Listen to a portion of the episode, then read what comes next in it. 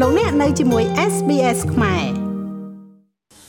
លោកប្រាច័ន្ទប្រធានគណៈកម្មាធិការជាតិរៀបចំការបោះឆ្នោតហៅកាត់ថាកោជបបានអំពាវនាវឲ្យប្រជាពលរដ្ឋខ្មែរដែលមានឈ្មោះក្នុងបញ្ជីបោះឆ្នោតផ្លូវការឆ្នាំ2021ទាំងអស់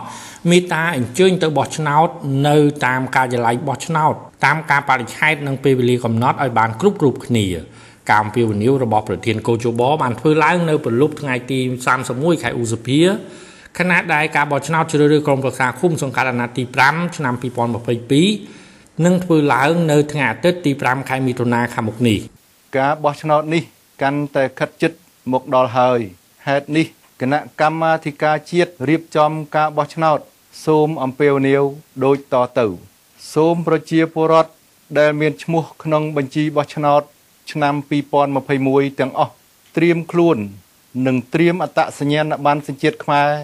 ដែលមានសុពលភាពឬឯកសារបញ្ជាក់អត្តសញ្ញាណបម្រើឲ្យការបោះឆ្នោត ដើម្បីចូលរួមបោះឆ្នោត នៅថ្ងៃបោះឆ្នោតឲ្យបានគ្រប់គ្រប់គ្នាក្នុងការបោះឆ្នោតឃុំសង្កាត់នាថ្ងៃអាទិត្យទី5ខែមិថុនាខាងមុខគឺមានអ្នកបោះឆ្នោតជាង9លាននាក់ក្នុងនោះគណៈបកនយោបាយចំនួន17បានដាក់បេក្ខជនចូលឈ្មោះបោះឆ្នោត ប៉ុន្តែមានតែគណៈបកប្រជាជនកម្ពុជាតែមួយប៉ុណ្ណោះដែលបានដាក់បេក្ខជនចូលឈ្មោះបោះឆ្នោតនៅគ្រប់1652ឃុំសង្កាត់នៅទូទាំងប្រទេសកម្ពុជារីឯគណៈបកភ្លើងទៀនដែលជាអតីតគណៈបកសំរងស៊ីនៅលំដាប់ទី2ដោយបានដាក់បេក្ខជនចូលឈ្មោះនៅ1623ឃុំសង្កាត់ ពាក់ព័ន្ធទៅនឹងដំណើរការឃោសនាបោះឆ្នោតក្នុងរយៈពេល11ថ្ងៃគិតចាប់ពីថ្ងៃទី21ដល់ថ្ងៃទី31ខែឧសភា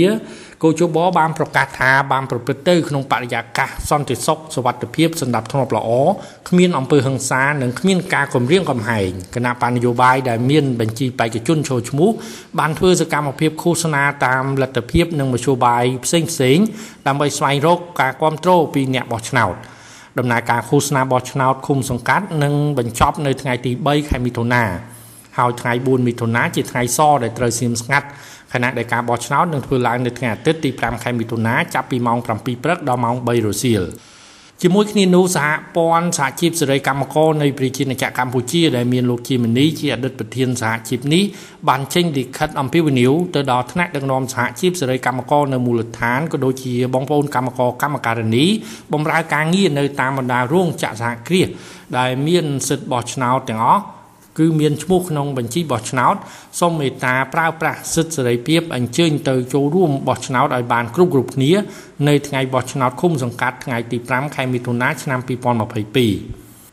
តាមលិខិតអំពាវនាវការទៅបោះឆ្នោតឃុំសង្កាត់នេះគឺដើម្បីជ្រើសរើសបាននៅសមាជិកក្រុមប្រឹក្សាឃុំសង្កាត់មានឆន្ទៈបម្រើផលប្រយោជន៍ជាតិនិងផលប្រយោជន៍ប្រជាពលរដ្ឋជាម្ចាស់ឆ្នោតពិតប្រាកដស្របទៅតាមសតិសម្បញ្ញៈរបស់ខ្លួនម្នាក់ម្នាក់ដែលមានទំនុកចិត្តទៅលើបេក្ខជនឬគណៈបកនយោបាយណាមួយសញ្ញាឆ្នោតសម្ងាត់របស់បងប្អូនដែលបោះឆ្នោតជ្រើសរើសត្រូវគឺជាជោគវាសនារបស់ប្រទេសជាតិនិងជាជោគវាសនារបស់បងប្អូនផ្ទាល់ជាម្ចាស់ឆ្នោត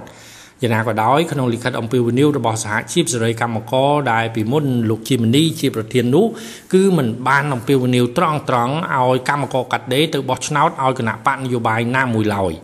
ស្របពេលដែលសហជីពកម្មករចេញលិខិតអំពាវនាវឲ្យកម្មករកាត់ដេរទៅបោះឆ្នោតឃុំសង្កាត់នៅថ្ងៃអាទិត្យទី5ខែមិថុនាគឺកាលពីថ្ងៃទី30ខែឧសភាលោកជាមនីប្អូនប្រុសសពលោកជីវិជាដែលជាអតីតប្រធានសហជីពសេរីកម្មករដ៏ល្បីល្បាញដែលត្រូវបានគេបាញ់សម្លាប់ក៏បានសរសេរលិខិតជូនទៅលោកទីវវណ្ណុលប្រធានគណៈបកភ្លើងទៀនដើម្បីសុំចូលរួមជីវភាពនយោបាយជាមួយគណៈបកដែលទើបតែបដូរឈ្មោះពីគណៈបកសំរងស៊ី លោកជាមនីបានសរសេរក្នុងលិខិតថាកម្មវិធីនយោបាយរបស់គណៈបកភ្លើងទៀនបានយកចិត្តទុកដាក់គិតគូរដល់ផលប្រយោជន៍ប្រទេសជាតិនិងប្រជាពលរដ្ឋប្រកាន់ខ្ជាប់នៅលទ្ធិប្រជាធិបតេយ្យគោរពសិទ្ធិមនុស្សយ៉ាងពិតប្រាកដដែលធ្វើឲ្យរូបខ្ញុំមានជំនឿទុកចិត្តដ៏កក់ក្ដៅបំផុត គេមិនទាន់ដឹងថាតើលោកជាមនីនឹងត្រូវទទួលបានទូនីតិអ្វីនៅក្នុងគណៈបកប្រឆាំងនេះនៅឡើយទេក៏ប៉ុន្តែគេអាចដឹងថាក្នុងការបោះឆ្នោតថ្នាក់ជាតិនាខែកក្កដាឆ្នាំ2023ខាងមុខលោកជាមនីអតីតមេដឹកនាំសហជីពកម្មករដ៏ល្បីល្បាញនឹងក្លាយជាបេក្ខជនតំណាងរាស្ត្រជាមិនខានខ្ញុំបាទមេងផល្លាវិទ្យុ SBS ខ្មែររាយការណ៍ពីរាជធានីភ្នំពេញ ចុច like share comment និង follow SBS ខ្មែរនៅលើ Facebook